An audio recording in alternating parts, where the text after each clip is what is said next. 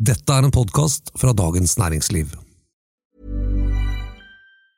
This Mother's Day, celebrate the extraordinary women in your life with a heartfelt gift from Blue Nile. Whether it's for your mom, a mother figure, or yourself as a mom, find that perfect piece to express your love and appreciation. Explore Blue Nile's exquisite pearls and mesmerizing gemstones that she's sure to love. Enjoy fast shipping options like guaranteed free shipping and returns. Make this Mother's Day unforgettable with a piece from Blue Nile. Right now, get up to 50% off at BlueNile.com. That's BlueNile.com. Ryan Reynolds here from Mint Mobile. With the price of just about everything going up during inflation, we thought we'd bring our prices down.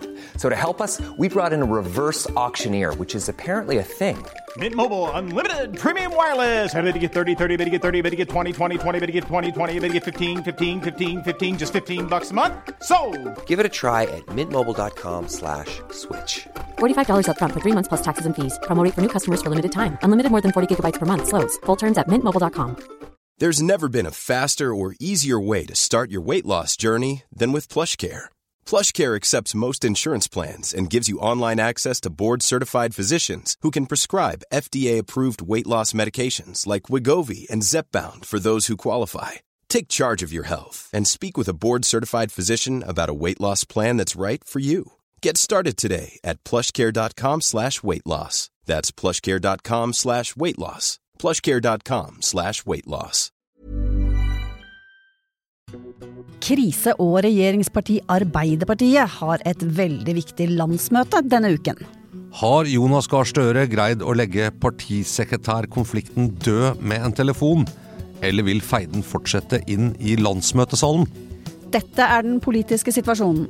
En podkast fra Dagens Næringsliv med kommentator Eva Grinde og meg, politisk redaktør Fridtjof Jacobsen.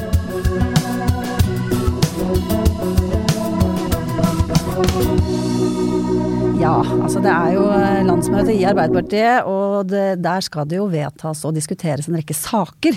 Eh, ligger det egentlig an til noe grasrotopprør? Eh, det skal vi også snakke om etter hvert, men, men først. Først folk, så politikk. Først folk. Altså det har jo vært en, en heidundrende uke, eller flere på rad faktisk. Ja. Eh, Når det gjelder for oss som er eh, interessert i hva som skjer på innsiden av Arbeiderpartiet. Eh, Jeg prøvde, jeg, jeg, jeg tok faktisk og sjekka litt, for det går litt surr. Hva var det, hvor langt var vi kommet for en uke siden i podkasten? Og da var det klart at da hadde de lagt fram, da hadde en enstemmig valgkomité lagt fram et, et nytt forslag eh, på, på ledelse. Eh, og det var klart at Helga Pedersen utfordret eh, Kjersti Stenseng som partisekretær fra utsiden. ja. Og så har det jo skjedd et par ting etter det. Helga Pedersen stiller ikke lenger. si. Nei, hun har jo trukket sitt uh, kandidatur. Tana-ordfører Ja. og tidligere nestleder i Arbeiderpartiet, 50 år gamle Helga Pedersen. Ja. Eh, og det skjedde etter at hun hadde hatt en telefonsamtale med Jonas Gahr Støre. Eh, og i ettertid så har hun vel sagt at den innholdet i den samtalen var slik at hun eh, sa at det var umulig for henne å fortsette eh, å stille, selv om hun tror hun ville vunnet en avstemning om dette vervet på landsmøtet. Fordi eh, han, hun fikk et inntrykk etter den samtalen at eh, selv om hun har blitt valgt som partisekretær, så hadde det vært umulig for henne å jobbe. Eh, fordi hun ville manglet støtte i det hun kalte sentrale miljøer i Arbeiderpartiet. Ja, det var egentlig en ganske sterk melding fra Helga Pedersen, sterk og klar, eh, etter den eh, telefonsamtalen. Og det, det var jo sånn at alle forsto det sånn at Jonas Gahr Støre hadde på alle mulige måter, uten å si det kanskje helt direkte, sagt at han ikke ønsket at hun stilte som motkandidat til Kjersti Stenseng. Nei, det var vel etterlatt inntrykk. Litt, Det har hun kom- bekreftet. kommer ikke til å bli bra for deg, og det kommer ikke til å bli bra for partiet. Og så sa hun det, som hun sa selv, det var ikke så vanskelig å forstå hvilken slutning jeg burde trekke etter den samtalen, sa hun. Og den trakk hun. Ja, det må og- jo sies. Ja, men hun gikk jo ut med en gang og forklarte hvorfor hun trakk seg på den måten, og så etter at eh, Jonas Gahr Støre på en eh, innledende pressekonferanse eh, denne uka, hva blir det, i går tirsdag, eh, eh, sa noe mer om den samtalen. Han sa 'jeg har ikke bedt' Hvordan var det han formulerte seg? 'Jeg har ikke bedt Helga Pedersen ikke stille'. Ja, noe Nei. sånt. Ehm, da, da, kom tilbake, da kom hun tilbake liksom med, med, i den ordkrigen enda sterkere og sa hun var forundret over at han refererte såpass sterkt, og at det var helt soleklart for henne at det han mente uten å si det, eh, var at hun ikke burde stille. Ja. Rett og slett. Ja. Så det er ganske sånn tøff eh, ordveksling der. Litt overraskende, nesten. Ja, det gikk litt unna akkurat der. For det har jo fått noen til å begynne å spekulere. Er det liksom er det en er det dårlig forhold mellom de to fra før av? Eh, det har jo aldri vært eh, oppe, men det er på grunn av liksom måten eh, de snakket om denne telefonsamtalen på, da. Ja, og i hvert fall så Du kan si at opptakten til et landsmøte, og landsmøtet i Arbeiderpartiet, det, det er jo bare annethvert år. Eh, så det er ganske store ting, eh, egentlig både i partiet. Eh, at de samles der. Så det er 300 delegater fra hele Norge. Og fra alle mulige fylkeslag og fra AUF. Det er en rekke gjester. Alle statsråder skal tale. Eh, landsmøtet åpner med en eh, viktig tale fra partileder Jonas Gahr Støre. Eh, Dette er en av de liksom store og det er store tradisjoner. Det er på Jungstorget, det er i Folkets hus. Dette er liksom eh, på en måte den politiske festen i Arbeiderpartiet. Eh, og det har vært mye drama på Arbeiderpartiets landsmøter tidligere, både om ledervalg og tøffe avstemninger. og Husker for noen år siden at eh, dette med postdirektivet, hvor ja. Eh, ledelsen eh, fikk liksom Det er blitt en roman, til og med? Ja, trumfet igjennom eh, på gulvet da, blant delegatene at, at, at, Arbeiderpartiet, som da satt i regjering, skulle legge ned et slags veto mot et EØS-direktiv. Eh, som jo lagde masse brudulje. Så, så, så det, sant, en blanding av formaliteter, ritualer, eh, hele partiet er samlet, viser hele bredden. Enormt stort antall delegater. Og det er det øverste organet i Arbeiderpartiet. Altså det, det, det landsmøtet vedtar, eh, er lov. Ja. Og, og, nå er det jo da eh, Dette landsmøtet er jo da eh, mellom to stortingsvalg. Eh, så da er det jo, skal velges to nye nestledere, som vi har snakket om, inn. Eh, ikke velges ny partisekretær, har vi vel inntrykk av nå. Eh, eh, men man lager jo ikke et politisk program slik man gjør i de årene det er stortingsvalg. Da lager man jo et fireårsprogram for hva man ønsker å eventuelt få til i neste stortingsperiode. Men det kommer til å komme såkalte politiske uttalelser eller resolusjoner fra dette møtet som sier noe om politisk retning og hva Arbeiderpartiet ønsker å oppnå. Og her er det også, som vi skal komme tilbake til litt senere i programmet, også en viss skal man si, dissonans mellom eh, deler av grunnplanet i Arbeiderpartiet som skal på landsmøte, og ledelsen, når det kommer, særlig når det kommer til arbeidslinja. Ja, det er et av, et av stikkordene for, for, de sakene som kommer til å bli diskutert. Men det som, det som jo fortsatt er et litt åpent spørsmål, da, som, også, som også kom fram i vår headline her, det er liksom i hvilken grad er nå denne hva, hva, tror vi om det? Er denne striden nå eh, Har Jonas Gahr Støre greid å skrinlegge liksom, den konflikten, eller vil den leve inn i landsmøtet, og på hvilken måte i så fall? Eh, det har jo vært nå eh, foreslått av enkelte at eller vi kan jo begynne der også, sånn, for det blir jo en diskusjon om hva er partidemokratiet? De som nå er imot at Eh, at det skal komme en, en eh, motkandidat til eh, Kjersti Stenseng. Vil jo peke på at her har valgkomiteen gjort sin jobb, ikke sant. Enstemmig, såkalt.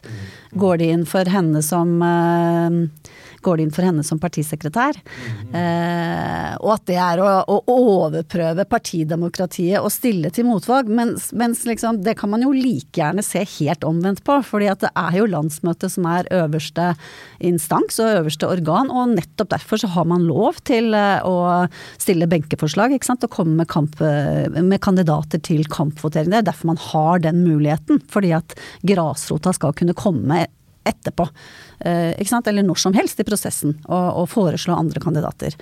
Så, så, der er det jo en litt sånn interessant eh, demokrati mot demokrati-debatt. Ja, og det ble jo vist til eh, på Debatten i NRK i går, så ble det jo, var Gerli Walla eh, gjest. Og hun fortalte om landsmøtet, det var et landsmøte i 2002. Eh, og da vil jo de kloke eh, hodene som lytter på den politiske situasjonen si hm, er det ikke bare landsmøte oddetallsår siden det er i valgår? Eh, og det er i og for seg riktig, men da var det et ekstraordinært landsmøte fordi man skulle velge en ny partileder, som var Jens Stoltenberg. Ja. Jagland skulle gå av, Ja. eh, og Stoltenberg skulle bli partileder.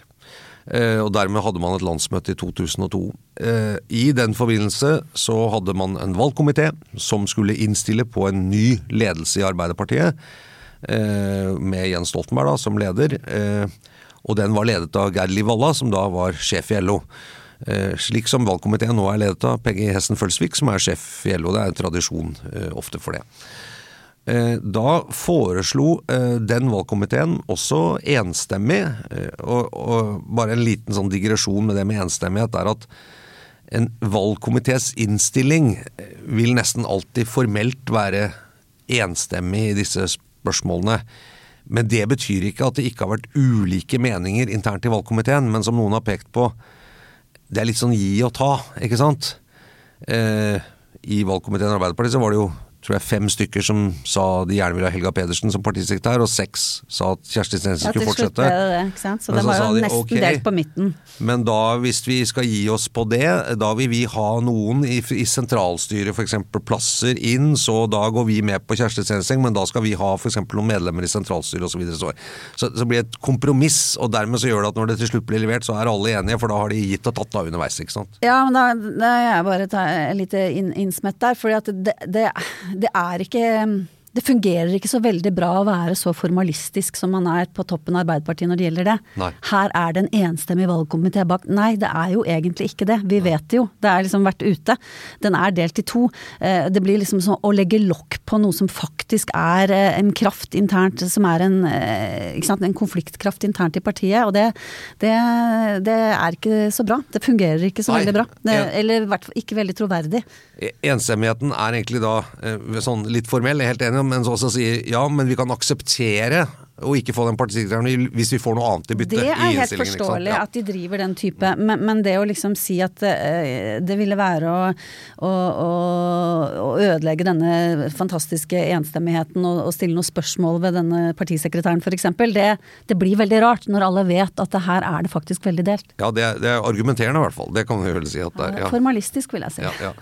Men tilbake til 2002, det, for det er litt interessant. fordi da var det foreslått en ledelse i Arbeiderpartiet med to nestledere under Jens Stoltenberg.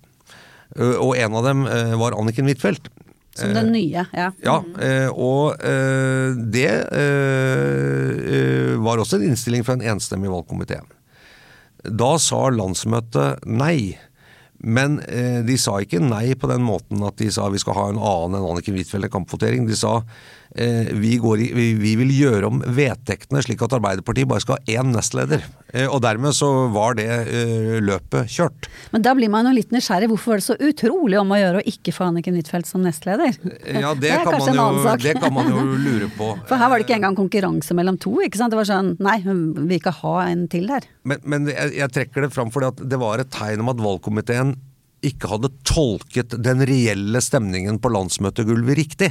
Nemlig at, eh, at et eh, solid flertall der eh, ville si ja til at Anniken Huitfeldt skulle bli nestleder. Og så ble det da gjort på den måten at man isteden gjorde litt formalistisk da, ved å si at nei, vi vil at vedtektene bare skal gi rom for én. Og da blir det Det var vel Hill-Marta Solberg som var nestleder da, og så var det vel da Var det da Raymond Johansen ble partisekretær, eller var det senere det det Ja, men det er sånn indirekte ja. Men, men, men- og dermed så, så var hun liksom utelukket Ja. av den grunnen, uten at hun på en måte ble stemt ned, eller at man måtte ha en annen kandidat opp. Eh, men, men det var jo et tegn på at en valgkomité kan feiltolke hvor landsmøtet faktisk Ja. ligger. Og Hvis vi det da var skal interessant at spole frem fram til i dro dag- Frem det, dro frem det denne uken og sa at man kan ta feil, ikke sant. Ja. Ja, og og hvis vi da spoler det fram til i dag, 2020, er- er- hva tenker vi om det? Er er valgkomiteen Er de innafor, eller kommer det til å bli fortsatt bråk? Det er jo det som er spennende. Er det noen som kommer til å liksom bruke denne situasjonen, eh, f.eks. Eh, kreve skriftlig avstemning? Eh, hvis man krever skriftlig avstemning, så blir det hemmelig avstemning, og man er ikke lenger bundet av fylker. Uh, Man kan i hvert fall ikke bli tatt for å stemme mot fylkets du mot kan ikke bli eh, tatt for å gjøre Nei. noe feil sånn sett. Uh, fylkespartipisken. Um, når det da bare er én kandidat, som vi det er ingenting som tyder på at Helga Pedersen kommer til å ombestemme seg. Det ville være veldig oppsiktsvekkende. Og, eh, så, så, er jo alternativet da å stemme blankt for å få sagt fra at eh, vi syns faktisk noe om denne, denne prosessen her sånn. Eh, eh vi, er, eh, vi, vi, skulle veldig gjerne ha skiftet ut Kjersti Stenseng. Vi vil bli hørt. På, Fra i lokale, i, på grasrota og rundt omkring i, i partiet. Så det er jo det som kanskje er et spennende punkt nå. Ja. Hva tror vi om det? Eller greier Støre å snøre det hele sammen til sånn partidisiplin og nå, nei, nå må vi se fremover? Ja, det, det, det er ja, det, det, er jo Det er i hvert fall inntrykket nå er at Stensengs eh, støtte i partiorganisasjonen eh, ikke er liksom helt uh, unison. Det, hvis jeg skal Nå syns jeg ikke du tar det i det nei. hele tatt. Men, men, at ganske mange eh, mener, og litt uavhengig om det var Helga Pedersen eh, ja. hadde støtt eller ikke, mener at, at, Arbeiderpartiet kanskje kunne trengt en ny partisekretær, og er litt misfornøyd med den jobben hun gjør nå, etter å ha hatt den i åtte år. Eh, og så jo, kommer det til å komme til uttrykk på en eller annen måte. og Da er jo dette med hemmelig avstemning en måte det kan komme til uttrykk på. Blir det ikke det, men samtidig, hvilken delegat skal liksom rekke opp hånden og si 'jeg krever hemmelig avstemning'? Eh, da vil jo det igjen bli sånn 'dette gjør du bare for å lage bråk'. Eh, ikke sant? Det er jo et visst eh, stigma ved å gå opp og be om det. Eh, åpenbart liksom å utfordre dette når partilederen har sagt vi har en enstemmig valgkomité, vi har gode kandidater osv. Du utfordrer jo den fortellingen. så Det er spennende om noen gjør det. Hvis de er sinte eller opprørte nok og frustrerte nok, så Og det trengs bare én, da. Det er også ja, ja, regelen. ja. at bare, er, bare Hvis én delegat ber om det, så skal det gjøres sånn. Blir det gjort, ja. Så, så det er jo det vi vi som da sitter på utsiden her og er snytt for en eh, skikkelig skikkelig eh, personkamp, eh, kan, kan, håpe på hemmelig valg. Nei, men det er, det, er, det er, spennende, og det er absolutt verdt å diskutere liksom hvordan, hvordan man Hvordan ledelsen i Arbeiderpartiet takler konflikter, da. Det er jo ganske mange rundt omkring i det partiet som har reagert på, på, på den telefonen som Støre tok for å på en måte fjerne dette problemet.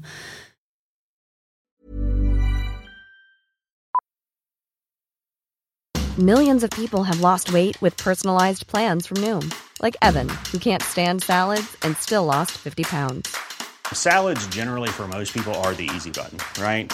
For me, that wasn't an option. I never really was a salad guy. That's just not who I am. But Noom worked for me. Get your personalized plan today at Noom.com. Real Noom user compensated to provide their story. In four weeks, the typical Noom user can expect to lose one to two pounds per week. Individual results may vary. Life is full of what ifs. Some awesome, like what if AI could fold your laundry? And some, well, less awesome. Like what if you have unexpected medical costs? United Healthcare can help get you covered with Health Protector Guard fixed indemnity insurance plans. They supplement your primary plan to help you manage out of pocket costs. No deductibles, no enrollment periods, and especially no more what ifs. Visit uh1.com to find the Health Protector Guard plan for you. This is Paige, the co-host of Giggly Squad, and I want to tell you about a company that I've been loving, Olive and June. Olive and June gives you everything that you need for a salon quality manicure in one box. And if you break it down, it really comes out to $2 a manicure, which is absolutely insane. It's also so easy to get salon worthy nails at home with Olive and June. The difference between how your nails used to look when you did them yourself and now with the Manny system is a complete game changer. The best thing about Olive and June too is it's a quick dry. Dries in about one minute, lasts for five days, and full coverage in up to one to two coats. Visit oliveandjune.com slash perfectmanny20 for 20% off your first system. That's oliveandjune.com slash perfectmanny20 for 20% off your first system system.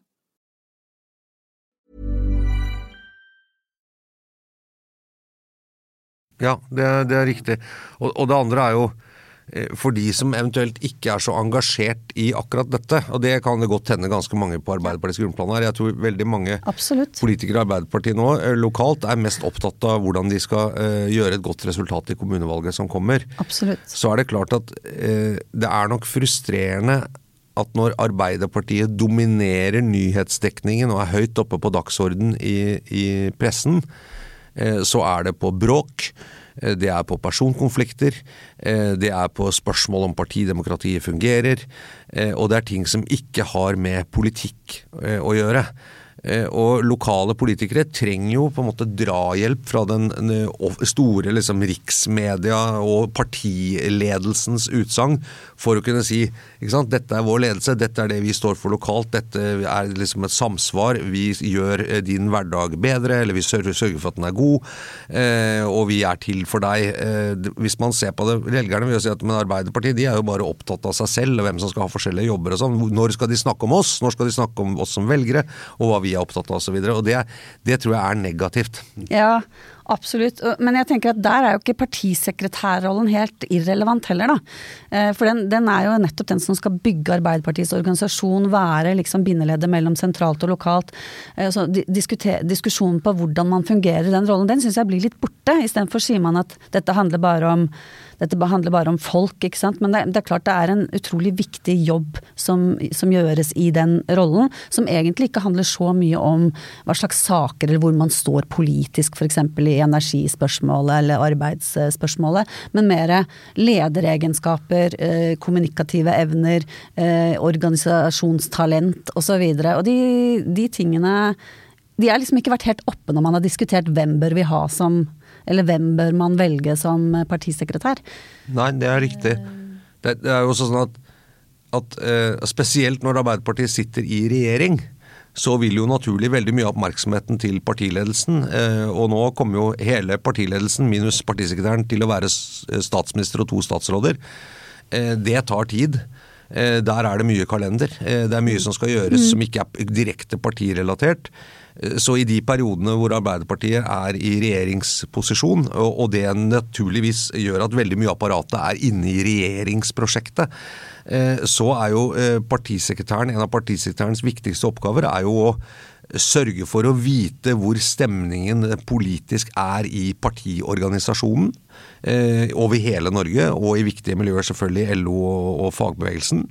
Og kommunisere det opp til ledelsen som er travel med andre ting, og sørge for at det som ledelsen ønsker, liksom, at det også blir kommunisert nedover. Så Det er et veldig viktig sånn ledd. Det er ikke så viktig når man sitter i opposisjon, for da har en partiledelse mye mer tid til å være i kontakt ja, ja. med organisasjonen. Mm, du ser hvordan eh, men, men, men, nå er det veldig viktig. Hvordan Erna Solberg reiser land og strand. Så. Ja, så det kan jo være sånn f.eks. en statsminister sier nå har vi liksom det og det politiske initiativet, så kan en partisekretær si sånn dette her, det kommer du ikke til å få til å fly i denne organisasjonen.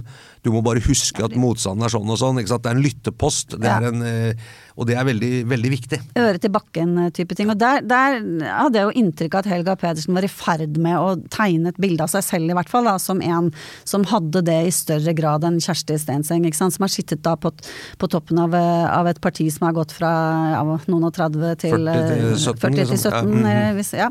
På, på, åtte år. Også fått en god del kritikk av hvordan, har, hvordan hun har liksom, hvordan hun handlet i, i Giske-konflikten. Mens uh, Helga Pedersen har jo på en måte den erfaringen fra sentralpolitikk med å ha vært nestleder i sentralstyret tidligere, men gått tilbake og vært eh, ordfører i Tana de siste vet ikke hvor mange år. Åtte? Ja, fire? Åtte.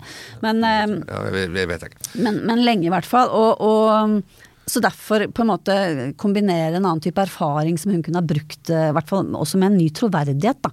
Det er jo ikke alltid sånn at at liksom, ja, de ville gjort ting på en helt forskjellig måte. Men liksom sånn hvordan, eh, Hvis man ser på forskninga hvordan når man, når man skifter ut trenere i fotballag f.eks., så vil det nesten alltid gå opp så vil resultatene nesten alltid gå opp, i hvert fall i begynnelsen. Hva hvis du skifter ut fysioterapeuten? Hva er det, ja, for eksempel. Nei, men, men, men, poenget er at det der med ny giv kan være et poeng i seg selv. Mm. Uh, uten at man egentlig uh, nødvendigvis kan liksom vise til at uh, liksom bevise at noen har flere, bedre egenskaper til å gjennomføre jobben eller ikke, men at det har noe med en sånn god boost og energi å gjøre. Mm. Mm. så ja. Nå kommer jo ikke det skiftet. Eh, nei, det gjør vel ikke det. det nei, det, ser vel ikke sånn ut. Nei, Det ville være eh, veldig overraskende. Men, eh, da, men, men, man får men to nye nestledere. Men vi får ganske mye ja, skifte, da. Ja, og ganske mange nye sentralstyre. Så, ja. eh, og, så, er det jo da over i, i bolk to her, nemlig eh, finnes det strømninger i partiet som partiledelsen har undervurdert? Og her er vi jo inne på en, tror et begrep som eh, kommer til å høre mye om i rapporteringen fra dette landsmøtet, eh, ved siden av partisekretær. Eh, Men politiske, det er begrepet arbeidslinja. Ja. Eh, som eh, er jo et arbeiderpartibegrep, vil jeg si. Det er veldig for, for liksom knyttet til Arbeiderpartiets politiske prosjekt om at veien til velstand og, og, og samfunnsdeltagelse og et godt liv går gjennom arbeid. Arbeid til alle. Arbeid som det går an å leve av. Men, ikke sant? Det, det, og det heter Arbeiderpartiet, ikke sant. Ja.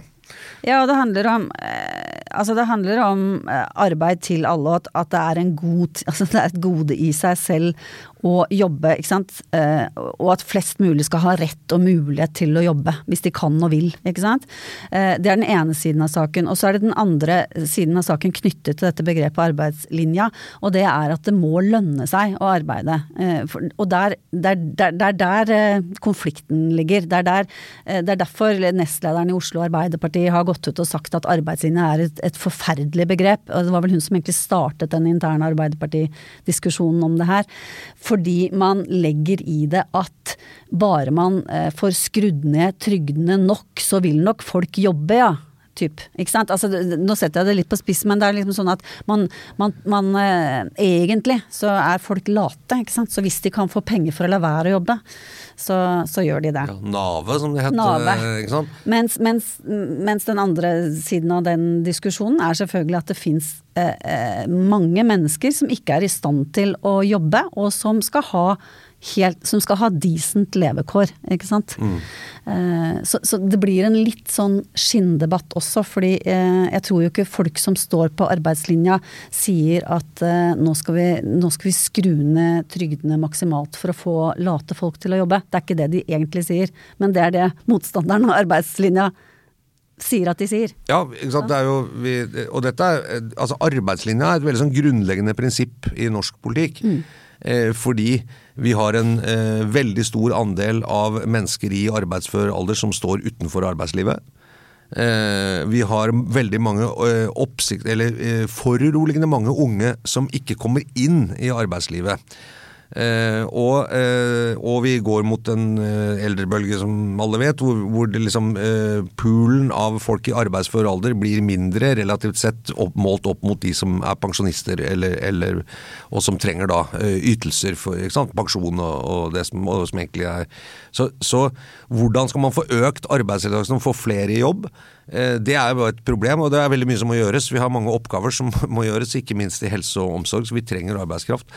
Eh, og det eh, må jo da stimulere til, altså senke terskelen for å komme inn, stimulere osv. til å gå inn. Og så er det jo det andre som er mer akutt, er jo at denne voldsomme eh, økningen på strøm, på matpriser, på generell prisstigning i samfunnet og renteheving har gjort at en del eh, trygdeytelser og sosialytelser plutselig eh, har fått redusert veldig mye kjøpekraft. Så hvis du hadde dårlig råd, så har du liksom fått veldig mye dårligere, og så, så mye dårligere råd at vi har sett matkøer og andre Ja, ting som ikke, ikke, alle, helt alle har fått forbinder redusert kjøpekraft Ja. i og for seg, men sant? den er mye mer kritisk når du ligger veldig Men de som levde på limiten, ikke sant? Og, der, og dermed så er det det å være trygdet, eller, eller avhengig av det nå, er altså et liv som eh, i hvert fall mange mener er nå så uh, fattigslig, uh, og du har så dårlig råd at liksom at, det at det er uverdig da, for en velferdsstat.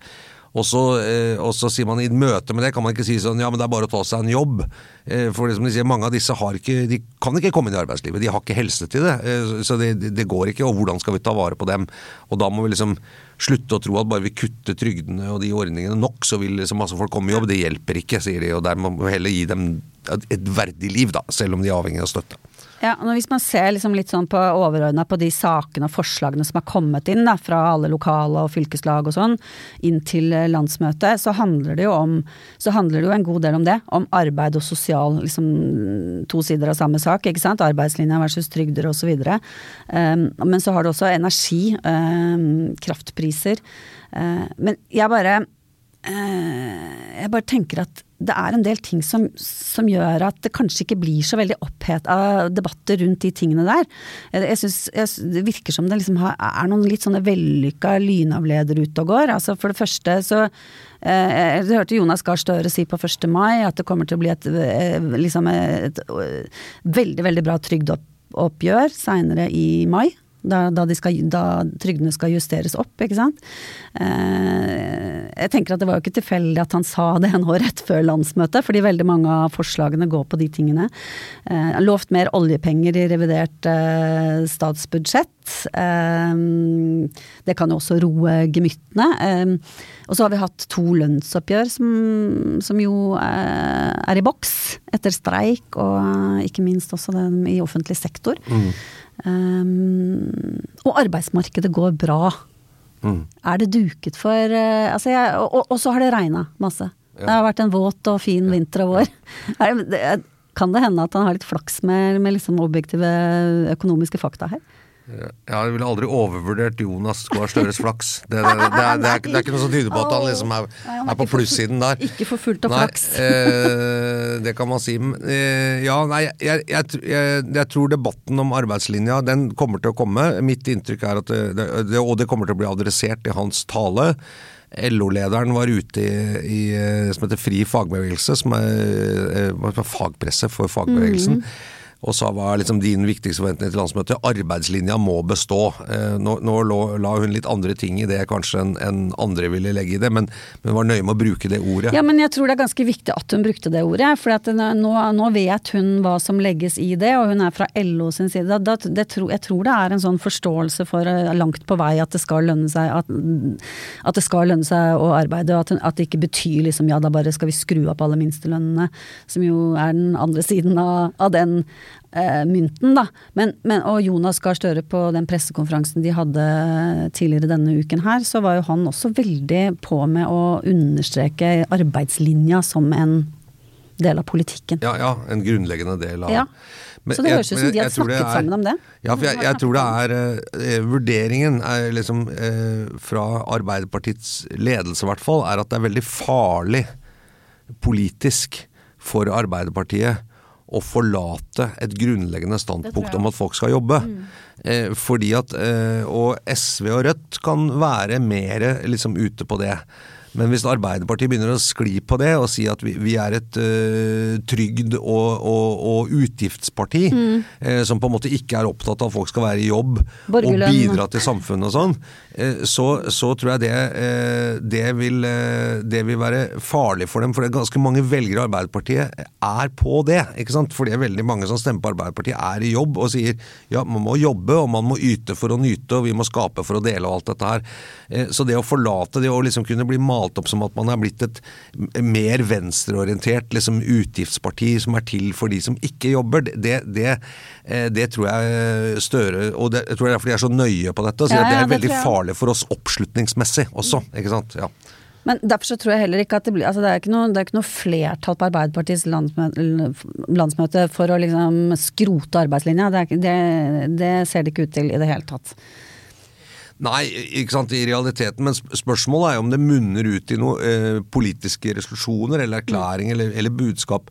Blir ordet arbeidslinja nevnt? At arbeidslinja er liksom en viktig sentral del av Arbeiderpartiets politikk, eller ikke? Hvordan kommer den formuleringen til å være? Og det, der, tror jeg det kan, der er det kanskje verdt å følge med på akkurat det ordet, hvordan det dukker opp. Det tror jeg er en av de tingene man kan Hvis man er interessert, så kan man følge litt med på det, og hvordan det blir brukt. Og, det, og jeg tror det, det er en av de debattene som kommer til å bli litt heftig, og hvor det kommer til å og det kan godt hende en del av disse motsetningene og forskjellige miljøene tangerer litt eh, de forskjellige motsetningene vi også så eh, når det gjaldt for eller mot Kjersti Stenseng og Helga Pedersen. Og da kan det jo bli potent, ikke sant, hvis det er litt de samme Ja, hvor, folka. hvordan da?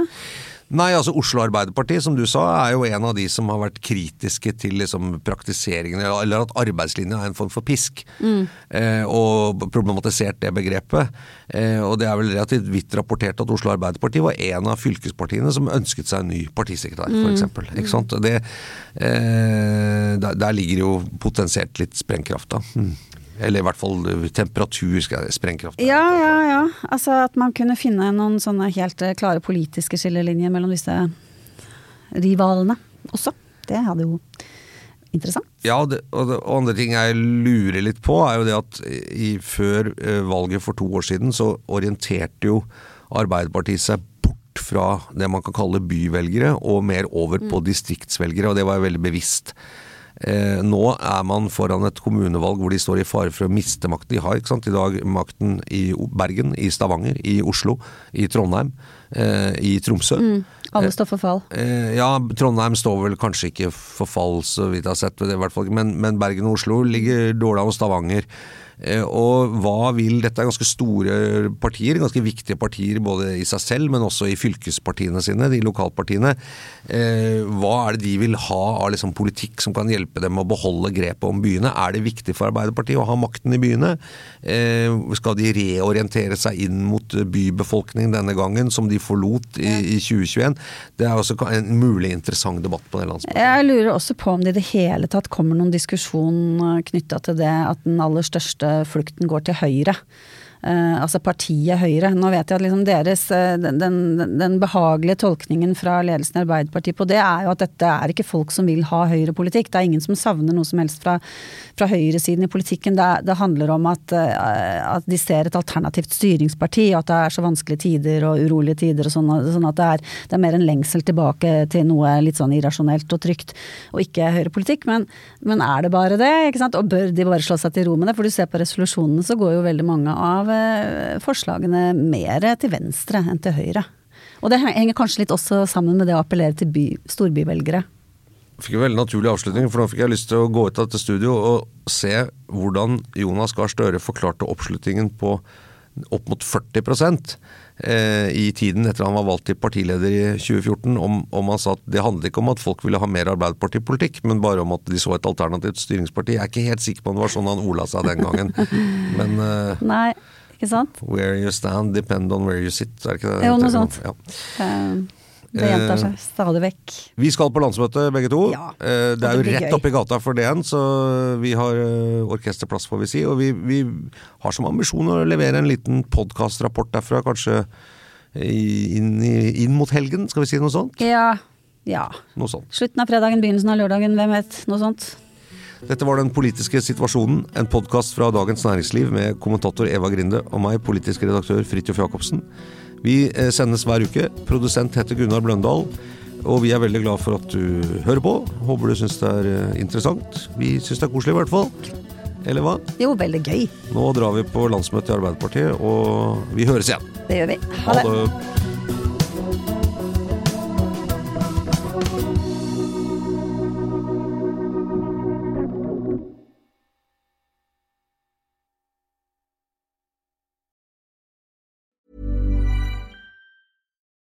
It's Paige DeSorbo from Giggly Squad. High quality fashion without the price tag. Say hello to Quince.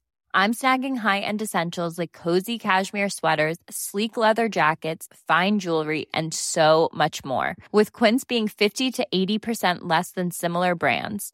And they partner with factories that prioritize safe, ethical, and responsible manufacturing. I love that. Luxury quality within reach. Go to quince.com slash style to get free shipping and 365 day returns on your next order.